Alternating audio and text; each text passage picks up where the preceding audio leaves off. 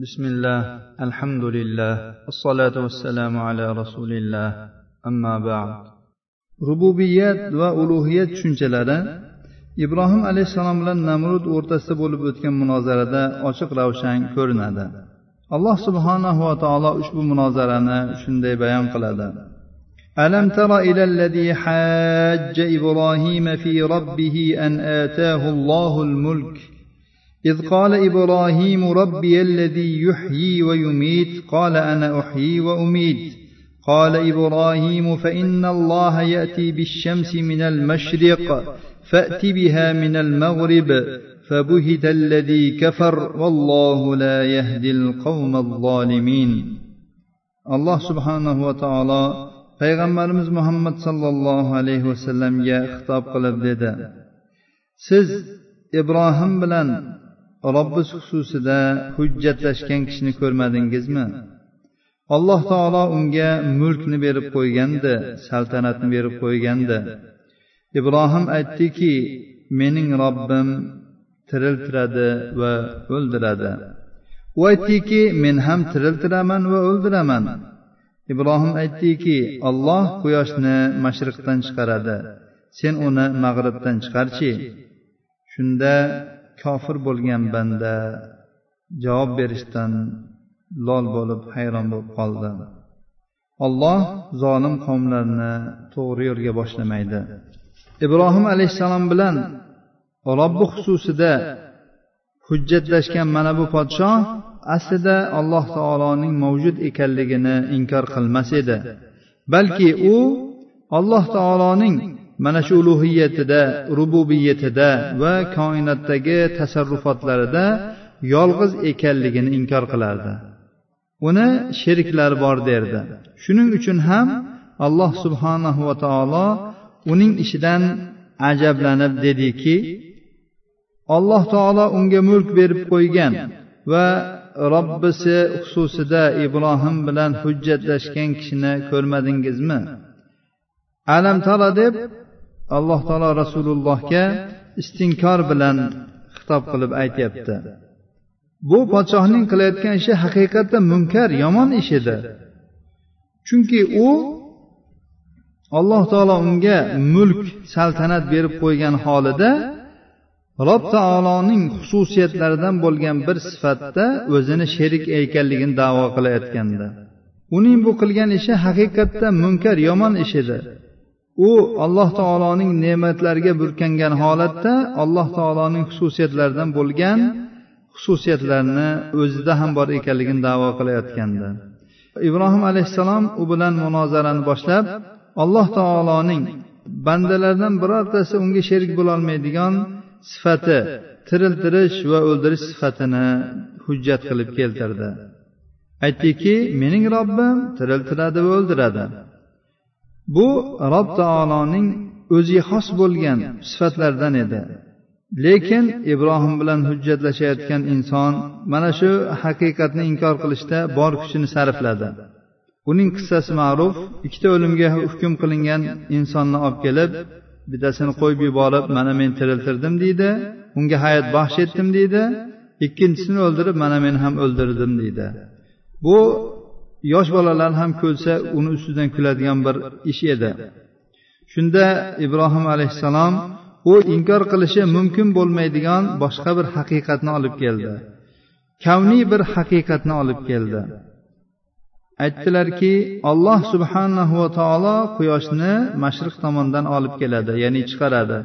Sen uni mag'rib tomondan chiqarchi kofir bo'lgan inson javob berishdan lol bo'lib hayron bo'lib qoldilar aslida u bu hujjatni eshitgan paytda taslim bo'lish kerak edi iymon keltirish kerak edi. Lekin alloh subhanahu va taolo bu kabi mutakabbir insonlarni bu kabi zolimlarni to'g'ri yo'lga hidoyatlamaydi. Bu munozara zalolat va qaysarlikning bir misoli o'laroq va da'vatchilar mana shu kabi inkor qiluvchi munkirlarga qarshi qurollanadigan tajriba o'laroq keldi. Rasululloh sollallohu alayhi vasallam hadislarining davomida aytdilarki islomni din bo'lishiga rozi bo'lgan odam iymon ta'mini totibdi. Bu hadis alloh taoloning ushbu oyatiga ishora qilmoqdaki ومن يبتغي غير الإسلام دينا فلن يقبل منه وهو في الآخرة من الخاسرين kim islomdan boshqasini din qilishni xohlaydigan bo'lsa undan bu qabul qilinmaydi va u oxiratda ziyon ko'ruvchilardan bo'ladi islom dinini alloh subhanahu va taolo bandalariga payg'ambarlarning tilida mashru qilib qo'ydi qonuniylashtirdi Bu dinning asli ham faralari ham payg'ambarlar orqali kelgan. Ushbu oyat mana shu yo'ldan boshqasini yurishni xohlagan odam olloh mashru qilgan narsadan boshqasini xohlayotgan ekanligi va bu esa undan qabul qilinmasligini bayon qilmoqda.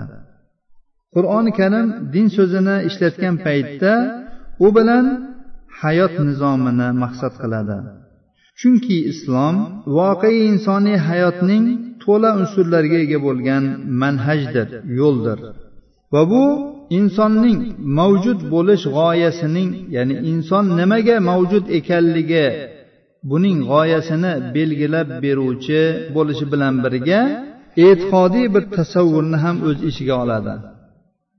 Bu manhaj mana shu e'tiqodiy tasavvurdan kelib chiqadigan voqeiy tadbiqotlar tartibotlar va ijtimoiy tuzumlarni ham o'z ichiga oladi. Bu ijtimoiy tuzumlar islom ustiga qurilgan bo'ladi va islomni insoniyat hayotida voqei shakllab beradi. Bu tuzumlar jumlasiga axloqiy nizom siyosiy tuzum va uning shakli va xususiyatlari ijtimoiy tizim va uning asoslari va unsurlari. Iqtisodiy nizom uning falsafasi va tashkillashtirilishi. Xalqaro tizim va uning aloqalari shu jumladandir. Demak islom faqat shahodat kalimasini aytishning o'zigina bo'lmaydi balki unga mana shu shahodat kalimasining ma'nosi va haqiqati bo'lgan ulug'iyat va rububiyat tavhidi albatta ergashgan bo'ladi. Islom dini quruq ibodat va diniy an'analargina bo'lib qolmaydi balki unga bu ibodatlarning amaliy asarlari ergashadi. Ular esa qalblar ibodatlar bilan va diniy an'analar bilan unga yo'llanadigan va qalblar undan taqvo qilishni his qiladigan. Natijada esa poklanib to'g'ri yo'lga tushadigan va islomni din ekaniga rozi bo'lganligi uchun iymon ta'mini totgan alloh subhanahu va taologa bog'lovchi hayot manhaji hayot yo'li ko'rinishida bo'ladi. Hadisning davomida rasululloh sollallohu alayhi vasallam aytdilarki muhammad sollallohu alayhi vasallamni rasul deb rozi bo'lgan odam iymon ta'mini totibdi. Mo'min rasululloh sollallohu alayhi vasallamga taslim bo'lmagunicha va u kishining buyruqlariga itoat qilmagunicha hamda rasululloh sollallohu alayhi vasallam bergan xabarlarni o'zicha ma'qul deb ismlaydigan botil xayollar bilan qarshi olmasdan tasdiqlab va qabul qilmagunicha bu ish ro'y bermaydi. Ya'ni u iymon ta'mini totmaydi shubhasizki kim rasululloh sollallohu alayhi vasallamga taslim bo'lmasa uning tavhidi nuqsonli bo'ladi. U o'z ra'yi va nafs havosi bilan gapirayotgan bo'ladi. Alloh taolo tomonidan biror hidoyatga ega bo'lmagan nafs havo egalariga taqlid qiladi. U payg'ambarlar olib kelgan narsalardan qanchalik chiqar ekan uning tavhididan shu miqdorda kamayaveradi banda muhammad sollallohu alayhi vasallamning risolatiga iymon keltirmagunicha va u zotning payg'ambarligiga guvohlik berib u zotning buyruqlariga ergashmagunicha uning iymoni to'g'ri bo'lmaydi. alloh subhanahu va taolo aytadiki ومن يطع الله والرسول فأولئك مع الذين أنعم الله عليهم من النبيين والصديقين والشهداء والصالحين وحسن أولئك رفيقا kim alloh taologa va rasuliga itoat qiladigan bo'lsa ular alloh taolo ularga inom qilib bergan nabiylar siddiqlar shahidlar solihlar bilan birga bo'lishadi ular qanday yaxshi hamrohlardir Mana shu rasululloh sollallohu alayhi vasallamning aytgan so'zlarining ma'nosiki kim alloh taoloni rob ekaniga islomni din bo'lishiga va muhammad sallallohu alayhi vasallamni rasul bo'lishiga rozi bo'lgan bo'lsa u iymon ta'mini totibdi alloma ibn al qayyim mana shu tushuncha haqida atroflicha va nozik bir tahlilni qilganlar. U zot aytadilarki ushbu hadis alloh subhanahu va taoloning rububiyati va ulug'iyatiga rozi bo'lish payg'ambariga rozi bo'lish va unga bo'ysunish allohning diniga rozi bo'lish va unga taslim bo'lishni o'z ishiga olmoqda. Kimda mana shu to'rt xislat jamlanadigan bo'lsa u haqiqatda siddiqdir. Bu til bilan aytish oson ammo haqiqat ya'ni amaliy voqelikda va imtihon payti kelgan paytda eng qiyin ishlardandir. Xususan agar shariatning buyruqlari nafs havo va uning murodiga xilof keladigan bo'lsa bunday odamning holi ko'rinib turibdiki uning roziligi tilida bo'lgan ekan. Ya'ni haqiqatda holatida emas balki uning quruq tilidagina rozi bo'lgan ekan. Alloh taoloning ulug'iyatiga rozi bo'lish alloh taoloning muhabbati yolg'iz o'zini sevish alloh taolodan qo'rqish undan umid qilish unga qaytish va unga ibodat qilishga rozi bo'lishni o'z ichiga oladi. Rozi bo'lgan odam mahbubini butun roziligiga muvofiq ish qiladi. Bu esa unga ibodatini va ixlos qilishni o'z ichiga oladi. Alloh taoloning rububiyatiga rozi bo'lish alloh taoloning bandasi uchun qilayotgan tadbirlariga rozi bo'lishni o'z ichiga oladi. Va tavakkul qilishda madad so'rashda ishonishda suyanishda alloh taoloning o'zinigina yolg'iz qilishni o'z ichiga oladi.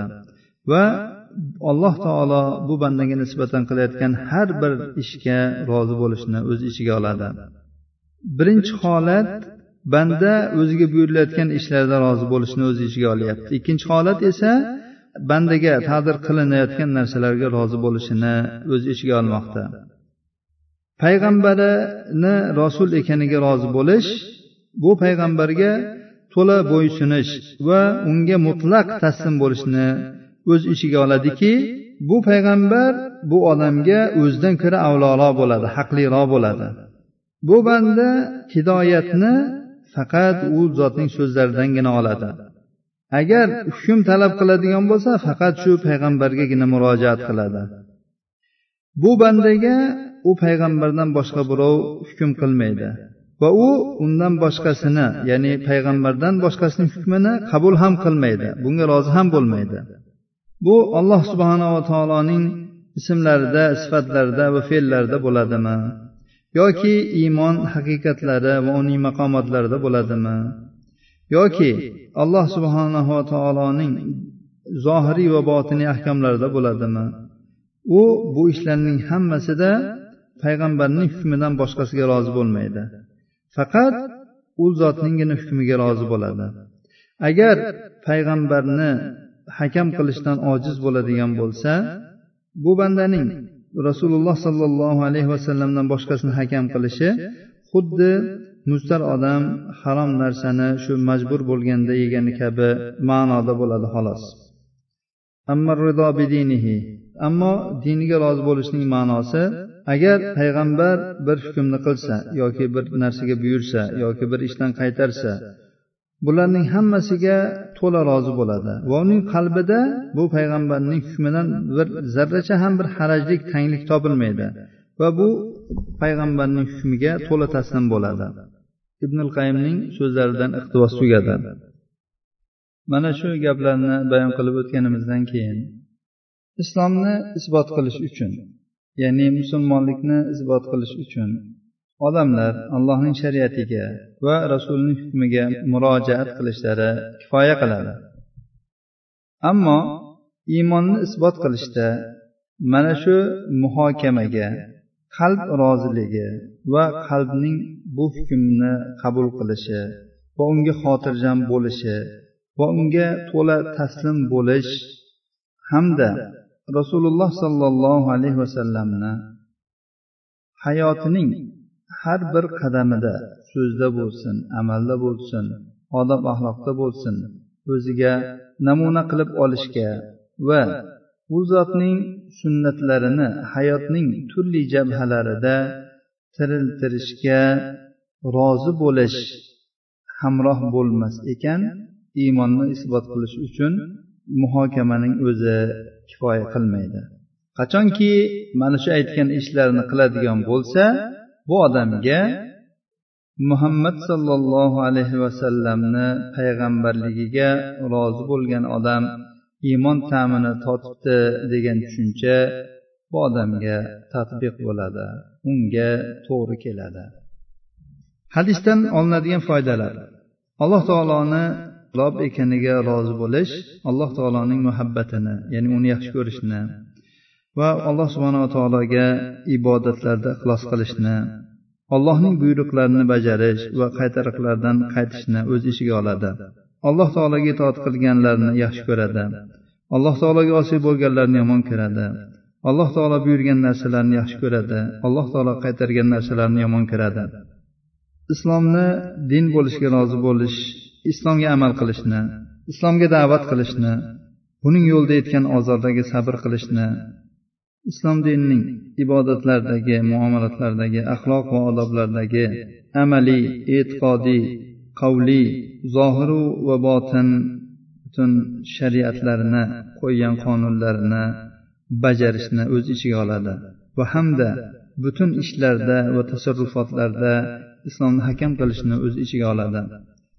Muhammad sallallohu alayhi vasallamni payg'ambar ekaniga rozi bo'lish u zot olib kelgan shariatni tasdiqlash va u zot xabar bergan xabarlarni tasdiqlash u zotga buyurgan ishlarda itoat qilish va qaytargan narsalardan qaytishni o'z ichiga oladi. Kim alloh subhanahu va taologa va rasuliga itoat qiladigan bo'lsa ularning buyruqlarini bajarib qaytariqlardan chetlanadigan bo'lsa ularning xabarini tasdiqlab va qilgan shariatlarini hakam qiladigan bo'lsa islom ta'limotlarini tadbiq qiladigan bo'lsa bu ta'limotlar buyruq bo'ladimi qaytariq bo'ladimi e'tiqod bo'ladimi da'vat bo'ladimi shularni hammasini tadbiq qiladigan bo'lsa mana shu inson iymon ta'mini totgan bo'ladi. Alloh taolo uning gunohlarini kechiradi. U uchun oxiratda jannat bo'ladi. Va alloh taoloning zimmasida uni rozi qilishlik haq bo'lib qoladi. Bu alloh taoloning fazliki uni xohlagan bandasiga beradi. Olloh juda ham ulug' fazil sohibidir. Alloh subhanava taolo bandasi va rasuli muhammadga va uning oilasi va ashoblarining barchalariga salovat salomlar yo'llasin. Hadisning fiqhi bu hadis nimaga dalolat qilmoqda? Iymon ta'mini mana shu aytib o'tilgan ko'rinishda totgan kishi uchun alloh taoloning izni bilan jannat vojib bo'lar ekan. Birinchisi alam va qiyinchiliklarni his qilmaslik rozilik shartlaridan emas. Ya'ni rozi bo'lgan odam alamlarni his qilmaydi degani emas. Balki bu odam hukmga ya'ni uning sodir bo'lgan hukmga qarshilik qilmaydi va uni yomon ko'rmaydi. Xuddi kasal odamni achchiq dorini ichishga rozi bo'lgani kabi va ro'zadorning qattiq issiq kunlarida o'ziga yetayotgan ochlik va chanqoqlik alamlariga rozi bo'lganidek va mujohidning o'ziga yetayotgan jarohat alamlariga rozi bo'lganidek abu usmon addiriy nabiy sallallohu alayhi vasallamning ushbu so'zlari haqida so'raldi. U zot aytgandilarki men sendan qazo ya'ni hukm qilganingdan keyin rozi bo'lishni so'rayman. Buning ma'nosi nima? U zot aytdilarki qazodan ya'ni hukm qilinishidan oldin ya'ni bir ish ro'y berishdan oldingi rozilik bu rozilikni qasd qilishdir. Ammo qazo bo'lgandan keyin rozi bo'lish bu haqiqiy rizodir. Ya'ni qazo va qadar. Qadar bu bitib qo'yilgan narsa. Qazo uni ro'y berishidir. Umar ibn xattob abu muso al ashariy roziyallohu anhuga maktub yo'llab dedilar. Ammo ba'd yaxshilikning hammasi rozilikdadir. Agar sen rozi bo'lishga qodir bo'lsang rozi bo'lgin. Aks holda sabr qilgin. Rozilik uch qismdir. Avom xalqning roziligi bu alloh taolo qismat qilib qo'ygan taqsimlab qo'ygan rizqlarga alloh taolo bergan narsalarga rozi bo'lish. Xos kishilarning roziligi bu alloh taolo qazo qadarda bitgan narsalarga rozi bo'lish. Endi havosil havosning roziligi bu alloh taolodan boshqa hech narsaga rozi bo'lmaslikdir va ya'ni faqat alloh taologa rozi bo'lishdir. Ho'p ikkinchi oladigan hukmimiz alloh taoloni rob ekaniga rozi bo'lish bu farzdir. Farzi ayndir. Balki bu butun ummat ittifoqi bilan farzlarning eng kattasidir eng ulkanidir kim alloh taoloni rob ekaniga rozi bo'lmasa uning islomi to'g'ri bo'lmaydi va uning amali ham biror holati ham to'g'ri bo'lmaydi. Ammo alloh taoloning qazosiga rozi bo'lish aksar ulamolar buni mustahab deyishgan vojib emas deyishgan. Vojib deganlar ham bor. Bu ikki so'z imom ahmadning mazhabidagi aytilgan so'zlardir. Alloh subhanahu va taolodan ollohni rob deb islomni din deb muhammad sallallohu alayhi vasallamni payg'ambar deb rozi bo'ladigan bandalardan qilishligini va shu bilan islom ta'mini totgan kishilardan bandalardan qilishini so'rab qolamiz. Hada va sallallohu ala nabiyina muhammad va ala alihi va sahbihi vasallam